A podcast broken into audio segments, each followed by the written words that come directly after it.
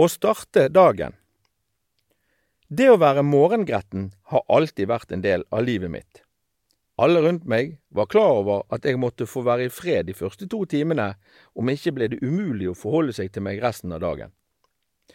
Etter at jeg begynte i arbeidslivet, ble morgenen utført etter følgende rituale.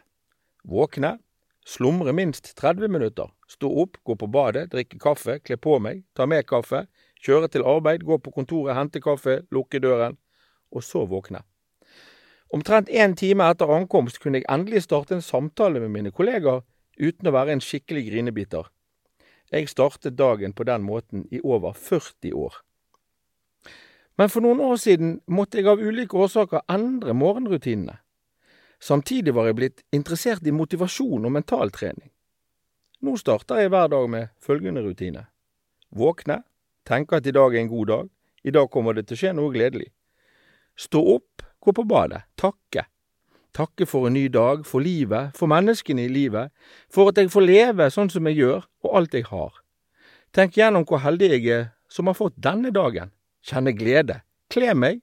Sørge for at jeg liker det jeg ser i speilet. Ta på god lukt. Spise frokost. Gå og re opp sengen. Fordi da starter jeg dagen med å gjøre noe nyttig, med å utføre en oppgave som gjør det triveligere å komme og legge seg om kvelden, og det gir meg en god følelse så kan jeg gå på arbeid. Dette tar litt lengre tid enn det gjorde før, men du verden for en start det er. Jeg møter dagen tilfreds, i godt humør og lykkelig, og jeg har utført litt husarbeid, noe som aldri blir feil i min kones øyne. Mine nye morgenrutiner har gjort noe med meg.